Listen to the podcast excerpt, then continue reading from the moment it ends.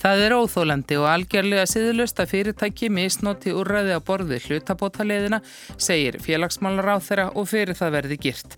Forstjóri eignarhaldsfélagsins Festar segir að félagið hefði enga peninga fengið úr ríkisjóði og úrræðið einungis nýtt þar sem varða að loka vegna sótvarna.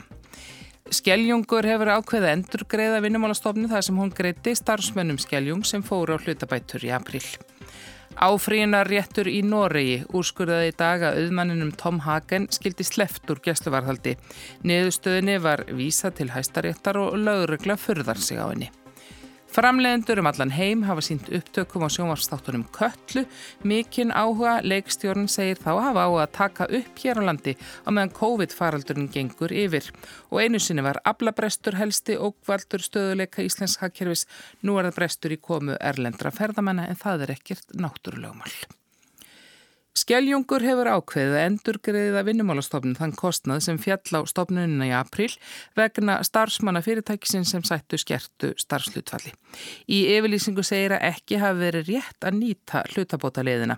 Starfsbönunum verður bóðin 100% vinna frá 1. mæ. Fyrirtæki á borð við Össur, Haga og Skeljung hafa nýtt hlutabótaleðina en hafa nýlega greitt eigandum sínum arði eða keift eigin bref. Ásmundur Einar Daðarsson félagsmálar á þeirra segir algjörlega óþólandi að fyrirtæki misnoti úrræði á borð við hlutabótaleðina. Og mér finnst þetta bara í, í bestafalli algjörlega siðlust og þetta er eitthvað sem við þurfum að uh, gerða fyrir og erum að vinna og höfum sagt að eftir þetta tímabunna tíma sem að hlutabót úræði þetta gilda þá myndum við koma með harðari skilir og við erum að undirbúa þau núna hvernig við gerðum fyrir slíka misnótkun á uh, almannafél. Egert Kristófersson, forstjóri eignarhaldsfélagsins festar sem á meðal annars enneitt Krónun og Elko segist skilja umræðuna en segir að aðeins hafi verið gripið til hlutabótaleðarinnar hjá festi þar sem þurfti að loka vegna farsóttarinnar eins og í Elko að keflaugufljóðli. Við erum ekki að gera þetta verðan að það er minna að gera einhver staðar. Þetta er bara því að við lendum í því að, að sóttáðurlæknir segir að, að hérna, það megi bara ekki hafa starfseminn að opna út af því landamennu er lókuð. Þannig að það er eiginlega okkar, okkar rauk í málunu en við höfum talið okkur nýta þetta algjörlega sem neyðar heimil til þess að tryggja hérna, afkomum fólksins. Festi hefur frestað argreðslum.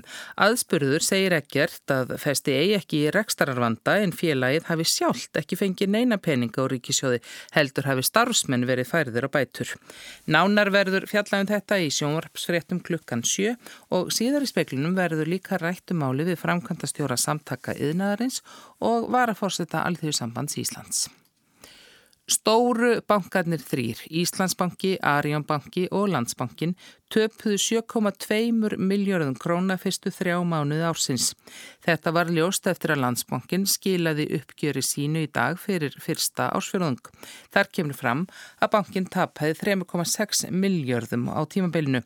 Á sama tíma í fyrra voru bankarnir þrýr rekrið með 10,4 miljardar hagnaði.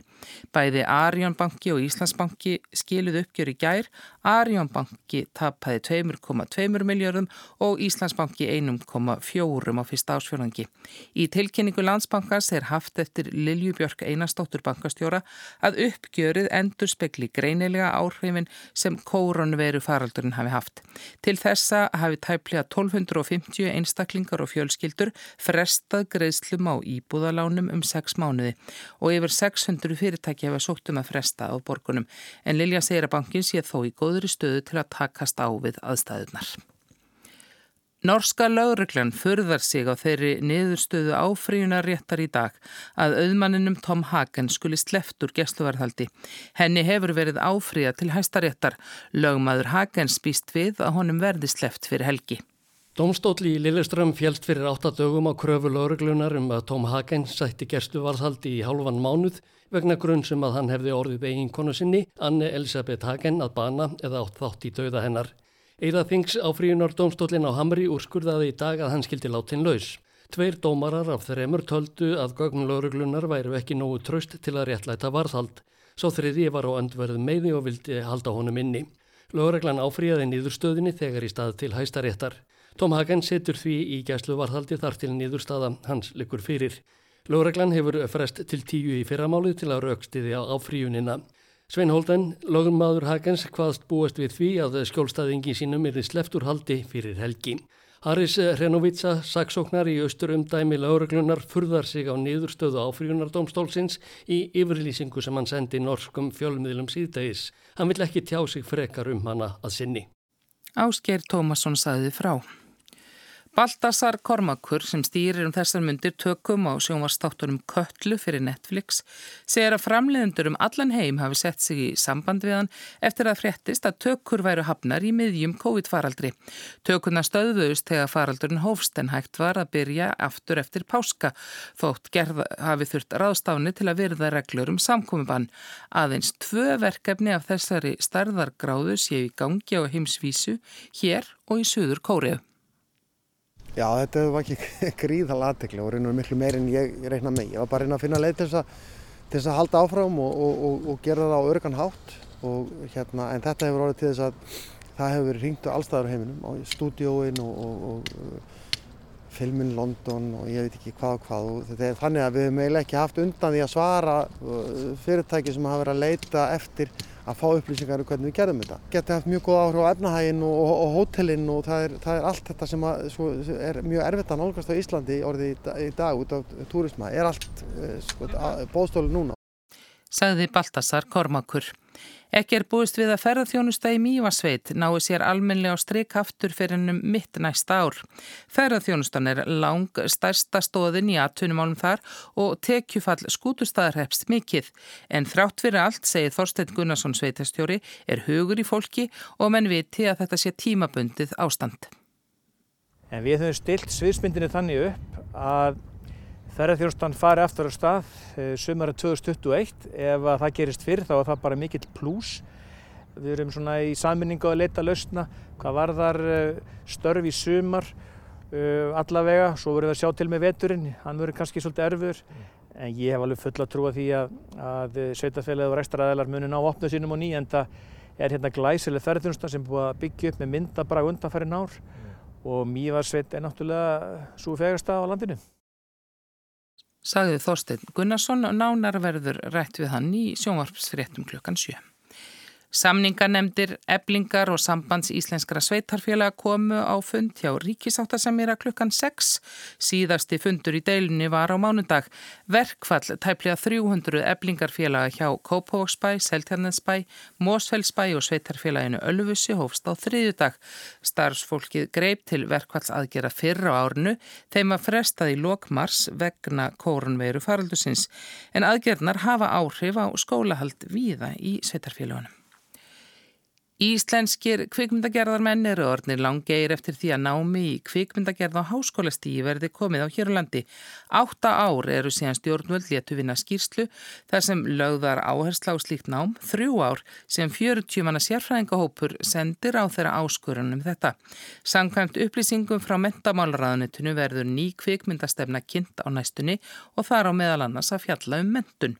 Hafstein Gunnar Sigursson kvikmyndagerðmaður er í forsvari fyrir hóp hópin sem skorað hefur á ráþæra.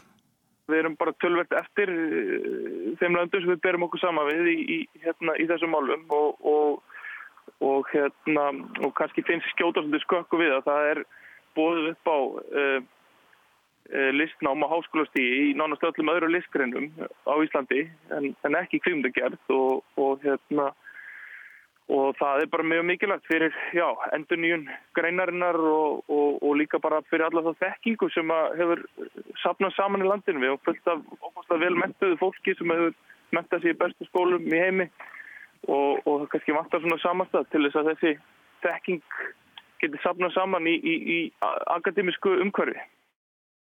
Sagði Hafstedt Gunnar Sigursson. Vesturverk hefur ákveð að draga tímabundið úr starfsemi félagsins vegna markaðsaðstæðina. Skrifstofu Vesturverks á Ísafyrði hefur verið lokaf og tveimur starfsmönnum þar sagt upp. Jóhann Snorri Sigurbergsson, forstuðumöður viðskipta þróunar hjá HS Orku, sem er helsti eigandi vestuverks, staðfestir þetta. Fyrst var greint frá þessu á VFBB. Jóhann segir að áfram verði unnið að rannsóknum vegna virkunar kosta, þar á meðal kvalárvirkunar og haldið áfram að vinna með skiplags yfirvöldum á svæðinu.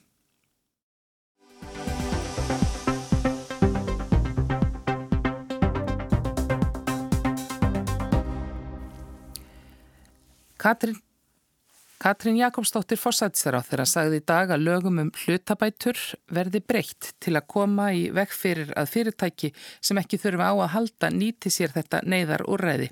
Fram hefur komið að stóðtækja fyrirtækið Össur, Hagar og Skelljungur hafa all nýtt sér þessa leið til að lækka launakostnað vegna starfsmanna og hafa á sama tíma greitt eigendum arð eða keift eigin bref.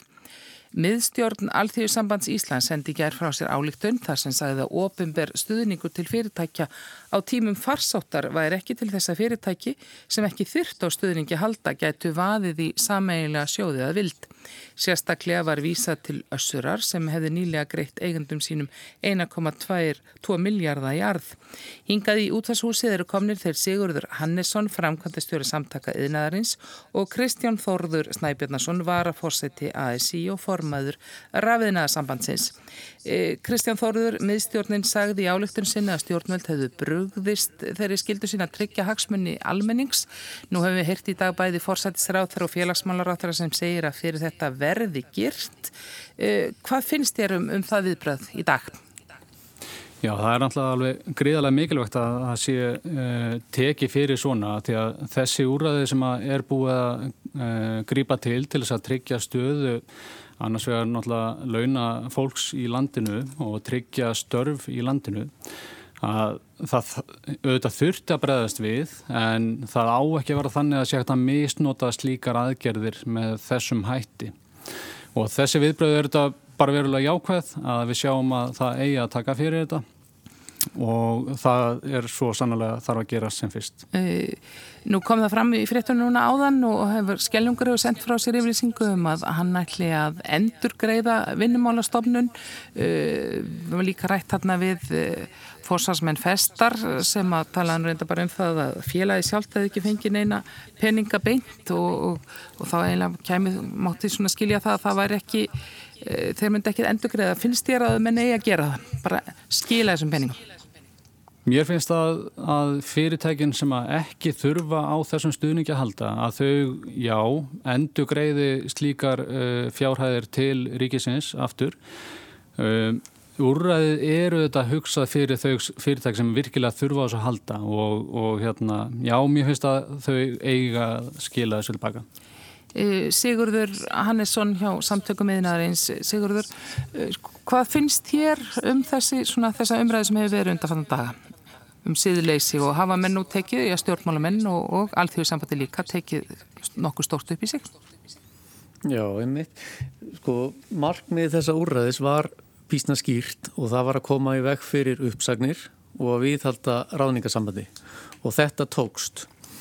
Það er þetta kannski kemur ekki óvart að þegar að 2000 einstaklinga hafa þurft að nýta þetta úrræði að þá komi upp ímis álita mál þannig að úr þeim auðvitað þarf að greiða og stjórnmálamennir eru auðvitað því þessa dagana. Svo leiðis að, að e, þetta eru auðvitað bara eins og annað í þessum aðgerðapökkum sem að hafa, hefur byrst nú þegar að það eru auðvitað margt sem að þarf að slípa til ákvarðanir eru tekna mjög hratt og þá óhjákvæmilega koma upp ímis álita mál eins og þetta En það sem að kannski hefur helst staðið þversum í mörgum er það að fyrirtæki sem að hafa staðið vel og segja standa vel skul ekki grípa í eigin sjóði heldur leita frekar til ríkisins.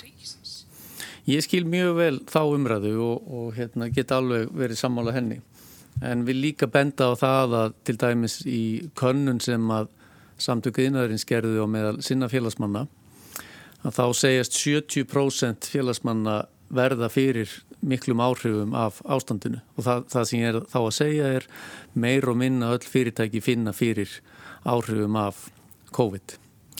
Og, og þess vegna sé það svona bara að fullkomlega réttlætanlegt að grípa til þeirra óraða sem bjóðast á. Ég held að það sé eðlilegt að fyrirtæki geri það en eins og ég segi og ítrekka það auðvitað eru ímis álítamál sem þarf að taka á og þetta er svo sannarlega eitt af þeim. Nú hefur þetta líka komið fram að þetta var gert í nokkrum snatri þegar að á þetta úræði var kynnt, talaði um að það eru þetta svona kannski að skoða hvernig þetta reyndist, svo er ákveða lengja það og þá hérna svona á núna að herða fyrir eða, eða reyna að gera það fyrir það að menn geti nýtt þetta sem ekki þurfa á að halda. Er þetta dæmið um bara svona fljótas, er svona, já, já þann flíti sem að, átti, sem að fylgdi þessum aðgerðum? Nú þekki ég auðvitað ekki hvert tilvík fyrir sig og, og sjálfsagt eru ólíkar aðstæðar þannig baki en ég vil ekki trúa því að, að fyrirtæki séu að ganga á lægið og nýta sér einhvern veginn ókipis peninga frá ríkinu bara af ásetningi einum saman. E, hvað finnst þér Kristján Þorður um það þurfa menna að hérna fórum menn fram á sér eða var þetta bara of, að sjá, sjá þetta ekki fyrir? Já þetta er náttúrulega auðvitað var mikil óvisa uppi í upphæfi faraldur sinns og, og þetta staðan er víða mjög alvarleg. Uh, en mér sínist í þessum efnum eins og er að koma mjög upp á yfirborði núna að þá hafi ofmarkir stokki til ofsnemma og nýtt þau úrræði sem að voru stóðu til bóða um, auðvitað, auðvitað þarf að gera allt sem að mögulegt er til þess að tryggja bæði störfin og, og stöðu fólksins. Og það er auðvitað það sem að úrræðin gangi út á. En, en um, ef að fyrirtækin ætla sér að, baka tilbaka og, og, og sjá að staðan er þannig að það er ekki þörfa á þessu að þá auðvitað þurfaðu bara að gera það og sína það í verki að, að þetta sé í raun og að, að batna, staðan sé að skána hjá þinn þannig að já Sigurður, finnst þér að eh, fleiri ættu að fylgja fordæmi Skeljóngs núna sem er að bakka með þetta ætlar að greiða vinnumálastofnun þær bætur sem að, að hún greiði starfsmennum Skeljóngs núna? Ég held að öll fyrirtæki sem að þetta gildir um, þar að segja sem að hafa greitt út arð og hafa nýtt hlutabótaleðina, þau auðvitað hljóta að, að skoða sína stöðu núna, það er bara óhjákamilegt en við mögum heldur ekki gleyma því að ákvarðunum argreðslu er yfirleitt ekki tekin í skyndi sérilagi ekki hjá skráðum fyrirtækjum. Það ásér jafnvel einhverja mánaða aðdraðanda þannig að, þannig að það er, verður auðvitað að skoðast í því samingi en ég bara ítrykka það sem ég sagði á þann að hver og einn auðvitað þarf að skoða sínar aðstæður og ég held að enginn ætli sér að misnota þessi úrræði ríkisins Það er óhjókamilegt eins og ég sagði að það komi upp mörg álitamál og þetta er svo sannarlega eitt af þeim. En, en síðan er náttúrulega, ef ég má skjóti inn að þá held ég að sé, uh, ég velti þetta fyrir mig hvort að við sem samfélag þurfum ekki svolítið líka að fara að uh, rýna í svona hvernig skattlagning og sangjött skattlagning á fjármagni er hér í samfélaginu og, og þegar að hérna, fyr, uh, fjármagnið deltu fyrirtækjunum með þessum hætti að þá held ég að við þurfum að, að, að setja okkur eitthvað stefnu í því að, að e, taka á fjármastíku skatti og, og, og, og í raun og hækka hann á þær fjármastíkjur þegar þeir eru verið að greiða snótu fyrirtækjum til að styðja betur við samfélagið. En nú kannski eins og Sigurður segir þá eru ákveðnum argreifslu tekið eftir einhverja já, yfirlegu eða ígröndun uh, þeir peningar eru veintilega farnir líka það er búið að borga það út kannski erfitt að sækja það aftur eða ef að svo þurfa að borga fyrir borga, skila aftur einhverjum peningum sem það þegi frá vinnumálstofn Já, já, þetta eru auðvitað staðar sem að þegar að fyrirtækinn hafa, hafa greittið út að þá hérna auðvitað getur staðan orðið snúin fyrir fyrirtækin en, en þá auðvitað spyrmaði sig líka að, að þegar, að, hérna, þegar staðan var að, að vestna að þá hefði þurft að grípa til aðgerða þá þegar og bakka með þær aðgerði sem að e, voru komnari upp. En ég auðvitað ítrekka, ég held að það væri mjög skinsalegt fyrir samfélagið ef að fyrirtæki þurfa eh, stuðningin að þá þurfu auðvitað að reyna að bakka þau upp með einhverjum hætti en það auðvitað má ekki vera skilir það löst allur sá stuðningu sem við erum að veita. Við þurfum annarkvort að, að e, fá þá meiri e, einhverja endugreiðslur sem samfélag frá fyrirtækjunum til þess að e, stuðla að því að taka og milda þetta högg til framtíðar og síðan auðvitað hefði maður vilja sjá eins og við tókum fram í, í álegtun miðstjórnar að að þessar, þessi stuðningur hann þarf að vera skilirðum háður. Og auðvitað fyrirtækin eins og við höfum verið að tala um að þá þurfa þau að byrja því að nýta eigin bjargir. Um, og síðan finnst mér líka mjög mikilvægt að, að við horfum til næstu ára að ef að fyrirtæki hafa nýtt sér stuðning að þá komið þau til með að endugreiða tilbaka síðar ef að tilumnið til eh, arðgreisluna úr fyrirtækjunum og þannig gætu við líka komið tilbaka með, með endugræðina stuðning. Þetta er auðvitað allt saman einhver álita mál sem þarf að skoða. En stóra málið er auðvitað þetta. Ég fulla trú á því að, að, að það verði hægt að finna einhverju lausnir á, á þessum málum. Yfirlýsingar stjórnmálmann er auðvitað mjög skýrar í þessum efnum þannig að það verður bröðust við þessu. En stóra verkefni hlýtur að vera það að við náum aftur hagkerfunu í gang að við komum þessum 55.000 einstaklingum sem eru án atunu eða á hlutabótum aftur inn á vinnumarkaðin að við sköpum aftur verðmæti eh, þannig að við náum aftur fyrir stöðu og gott betur. Þannig að þetta hlýtur að vera stóra verkefni hjá okkur núna á næstu árum. Finn hvað, sérðu eitthvað sem það hafa verið talað um úrræði sem hafa ekki öll verið komin til ég framkvæmda brúalánin til dæmi sem er verið svona einlega ganga frá núna er, er þetta, já um leið og um leið við tölum við að það verið fljótaskrift á þessum, kannski þessari hlutabótaleðinni er, er menn samt og segin er að bregðast við?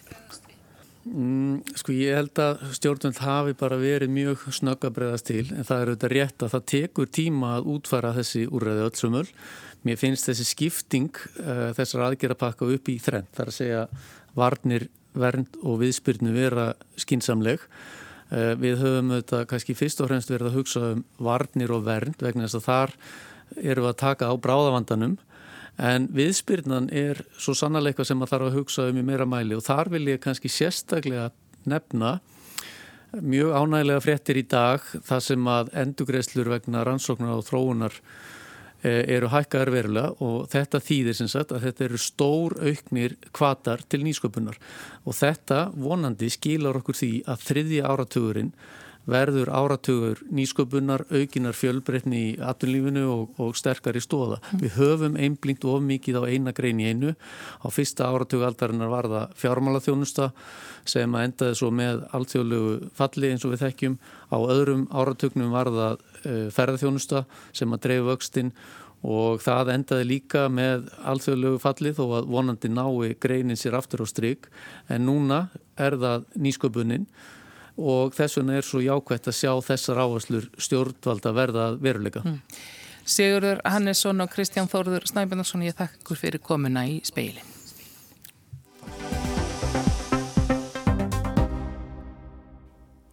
Eftir bankarhunni 2008 voru ímsar vangaveltur um það hvað gæti orði uppspretta tekna fyrir þjóðabúið. Ímislegt var rætt meðal annars möguleikar skapandi greina. En svo fór ferðarþjónustan á flug og lítið var gert til að auka fjölbreytni atunlífsins og draga úr áhættinu sem leiður af einhæfu atunulífi. Eftir stöðu af fjölgun ferðamanna frá 2011, jafnvel um 30-40% á ári, snerist dæmi við í fyrra fækkunum 14% miða við árið áður. COVID-19 faraldurinn gerði svo út um vakstafónirnar í ár en það var lungu ljóst að vægi ferðarþjónustunar í íslensku hagkerfi var stórkostleg áhætta. Fábreytt atunulíf er áhætta.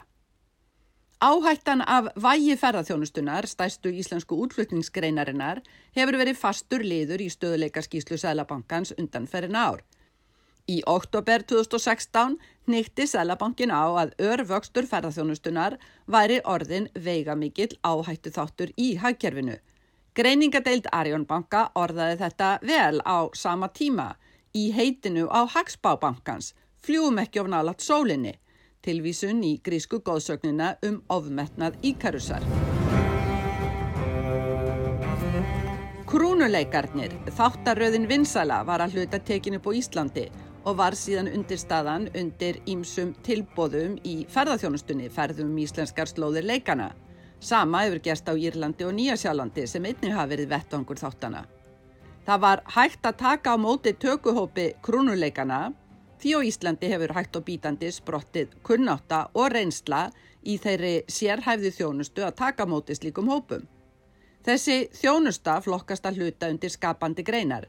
Enska heitið Creative Industries undistrykar kannski betur en íslenska heitið að þetta er framleiðslu tengdur yðnaður, ekki bara listir þó listir teljist líka skapandi greinar.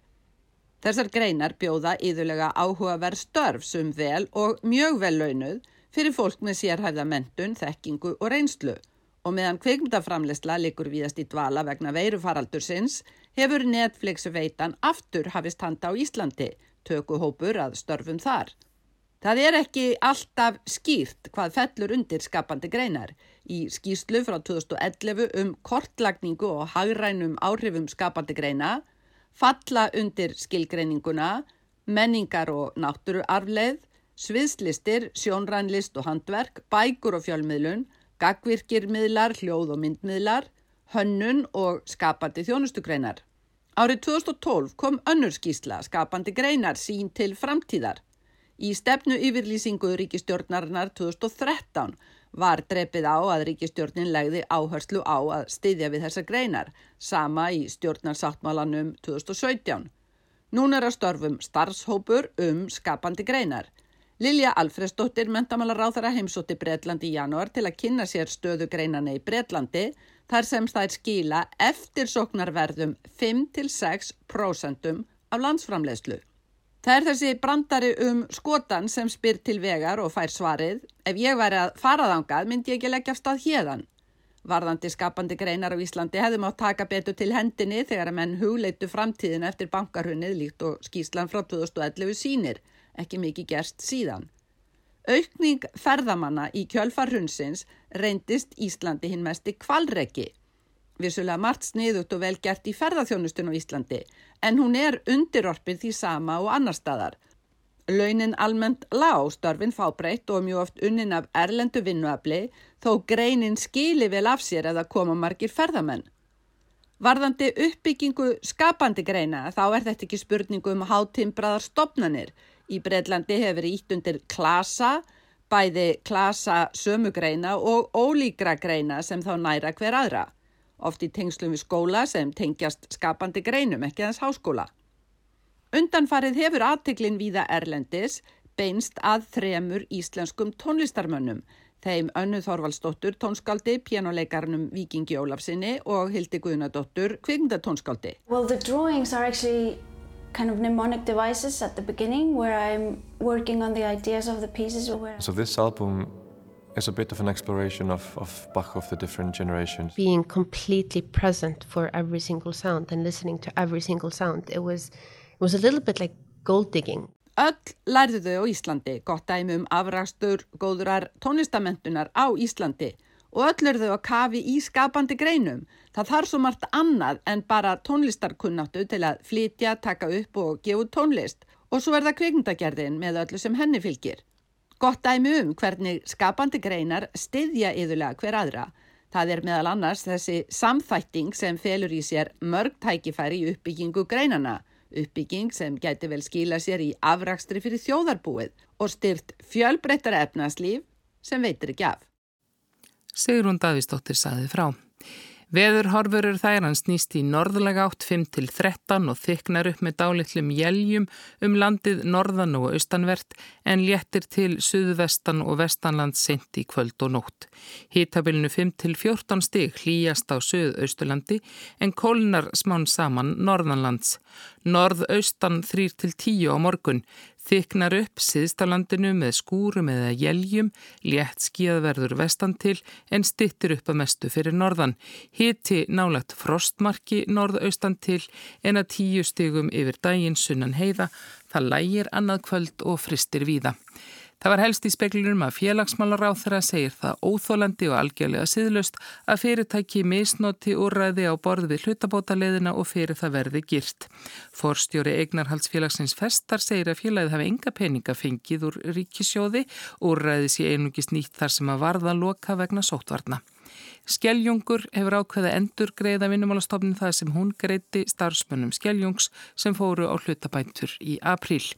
Áfríunarréttur í Noregi úrskurðaði í dag að auðmanninum Tom Hagen skildi sleft úr gæsluvarðhaldi, niðurstöðunni var vísa til hæstaréttar en lögregla furðar sig á henni. Þá er ekki fleira í spekli kvöldsins, tæknimaður í útsendingu var Ragnar Gunnarsson veriði sæl.